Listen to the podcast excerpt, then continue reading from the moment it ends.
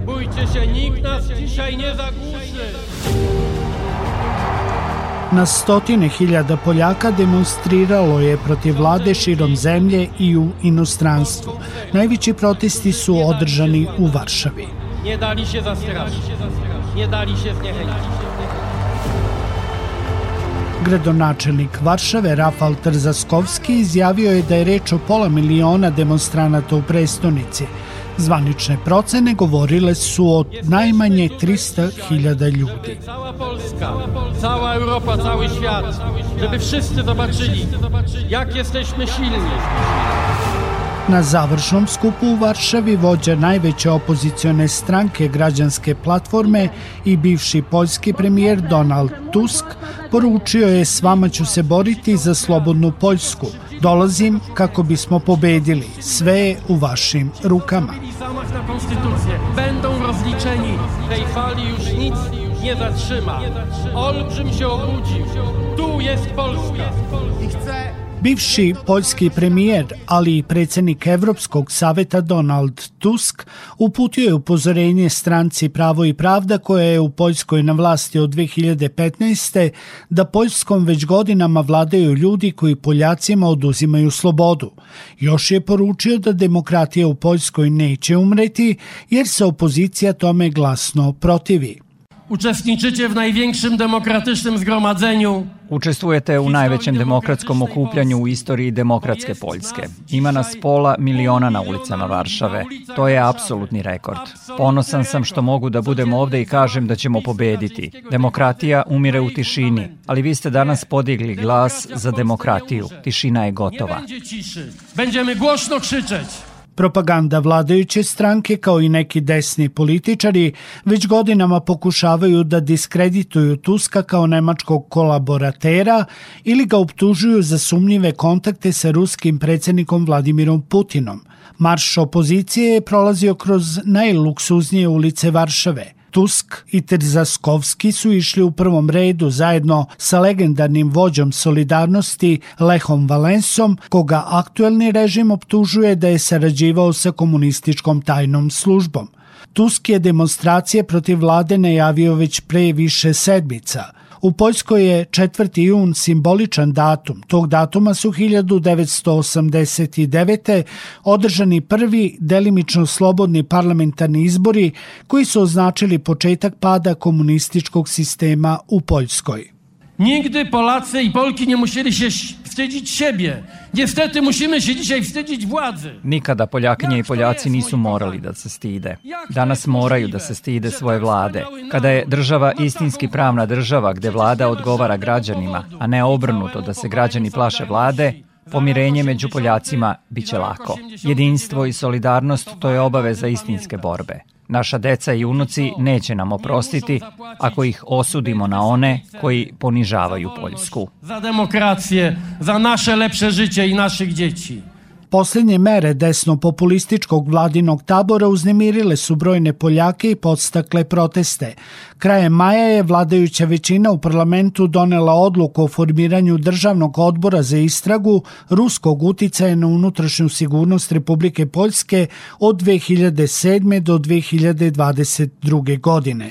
Sporni zakon velika većina javnosti smatra protivustavnim i usmerenim protiv Tuska.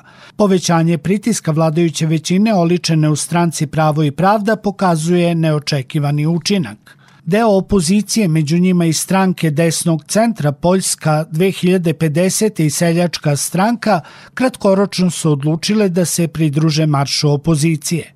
Vladin portparol Piotr Miller je oštro osudio marš. Predsednik građanske platforme i jedan bivši predsednik pokušavaju da sruše vladu, koja je prekinula politiku otvaranja prema Rusiji. Ništa blaži u svojoj osudi nije bio ni aktuelni premijer Mateusz Morawiecki, koji je rekao.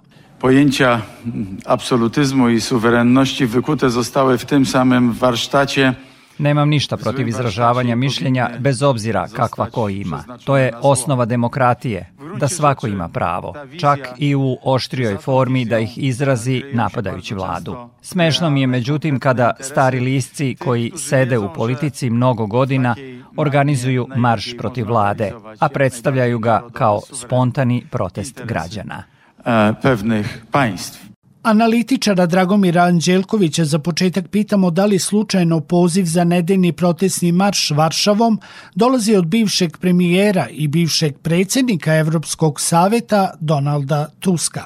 Znate, ti protesti koji su sada u toku u Poljskoj uh, ipak imaju pre svega poljsku dimenziju. Uh, poljska opozicija koja je do duše mnogo bliža evropskom mainstreamu od vlasti, koristi tešku ekonomsku situaciju i sve veće nezadovoljstvo građana, a i činjenicu da je stranka koja je trenutno na vlasti, stranka prava i pravde, već osam godina na čelu države i već je umorila građanina, znači koristi sve to da oslabi vladajući blok i da pred izbore koji će u dogledno vreme biti bolje se pozicionira. Znači nije to situacija gde imamo e, nekakvu veliku geopolitičku konkurenciju ideološku. Znači mi imamo e, Kvašćevskog, Kačinskog i e, njegovog partnera Dudu koji su rusofobi, koji su amerikanofili,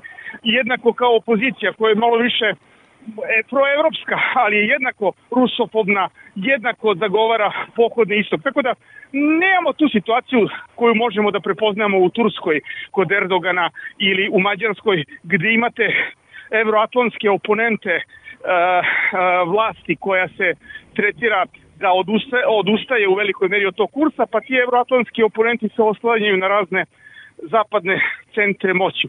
Ovde su jedni i drugi rusofobi i jedni i drugi u geopolitičkom smislu imaju pentagovonu liniju, a razlikuju se oko nekih stvari kao što su LGBT agenda ili pak odnos prema migrantima. Ali u ovom momentu to svakako nije razlog da se kaže da neko sa zapada njima pravi problem, jer to ne stoji.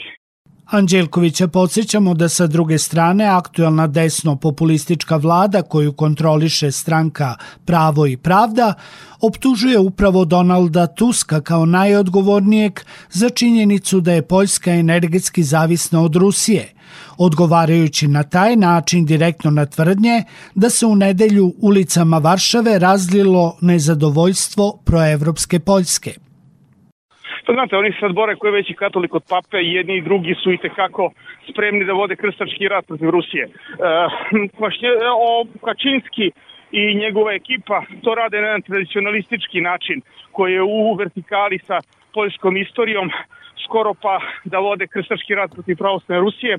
Opet Tusk i njegova ekipa na jedan neoliberalni način koji ima pomalo tog, tog starog poljskog antiruskog stava, ali s druge strane tu je ta E, neoliberalna evropska agenda. A što se tiče, znate, te priče proevropski, pa i, i pravo i pravda je e, proevropska. Znači, samo se razlikuju koncepti Evrope. Oni su više za neku tradicionalno katoličku koncepciju, opet ovi Tuskovi neoliberali gledaju to sve iz ugla postmodernog gde tradicija mnogo ne znači, ali kao što sam rekao, onim ključnim geopolitičkim stvarima se apsolutno ne razlikuju. Koliko je slučajnost i činjenica da spor na relaciji Evropske unije i Poljske počiva upravo na stavu Brisela da Poljska i Mađarska moraju da obezbede nezavisnost pravosuđa i medija, naročito u oblasti borbe protiv korupcije, zbog čega su im uskraćeni pojedini fondovi Evropske unije. Da li tu negde treba tražiti uporište za osnovnu poruku na ovim protestima da Poljska nije pravna država? Znate, Poljska jeste pravna država, e, ne može se porediti situacija u Poljskoj sa situacijom, primjer radi u Srbiji, daleko je Poljska od nas. One autoritarne pojave koje se tamo dešavaju, mm, one su pre u stilu u stilu komunikacije s biračima nego u sistem, po sistemskoj dubini. E, ovde imamo pre sukob te amorfne mondialističke Evrope koja apsolutno ne drži do nacionalne tradicije i one Evrope koju ličava Poljska koja i tekako drži do nacionalne tradicije, ali ta tradicija vrlo često je e, i negativna, jer o naboj rusofobni koji je sadržan e, u stavovima e, Kačinskog je prosto neverovatan. E, a kad se radi o razlikama, to je NATO u velikoj meri odnos, kao što sam rekao, prema LGBT e, pravima, pri tome, pri tome ne treba uopšte poći od toga da pravo i pravda ugrožava LGBT populaciju, samo nisu pristalice gej brakova ili usvajanje dece. S druge strane imamo Tuska i njegovu ekipu koju su na krajnje neoliberalnim pozicijama. Znači, to su neke stvari gde se oni dele, u važnim geopolitičkim se slažu. Sad, što ekipa koju oličava Tusk dominira Evropom, oni to koriste sada za obračun sa svojim neistomišljenicima tipa Kačinskog, ali m, to je trenutak. Za par godina možda stvari budu i drugačije stajale, a ono što našu javnost generalno zanima i što mi često stavljamo u istu ravan, da li se sad to odvija borba između neke suverenističke Evrope koja će odbaciti taj evroatlantski kurs i neke Evrope koja je na toj liniji, pa to nije tačno. To može da se kaže za Mađarsku i za Orbana, a sigurno ne može za Poljsku. Najnovija presuda Evropskog suda doneta samo dan nakon masovnih protesta pokazala je da ni određene promene izvorne reforme poljskog pravosuđa ni pošto nisu dovoljne da bi tamošnji sudovi bili slobodni od otvorenog političkog pritiska. Evropski komesar za pravosuđe Didier Reinders je na društvenim mrežama u ponedeljak napisao da je ta presuda važna za obnovu nezavisnog pravosuđa u Poljskoj a poljski ministar pravosuđa Zbignjec Zjobro, kako prenosi agencija AFT, optužio je Evropski sud za korupciju i ocenio da taj sud zapravo donosi političke odluke. A da li je masovnim protestom u Varšavi zapravo počeo obračun Brisela sa desničarskim vladama unutar Evropske unije, pokazat će vreme pred nama. Sektor Plus. Svet sa naslovnice.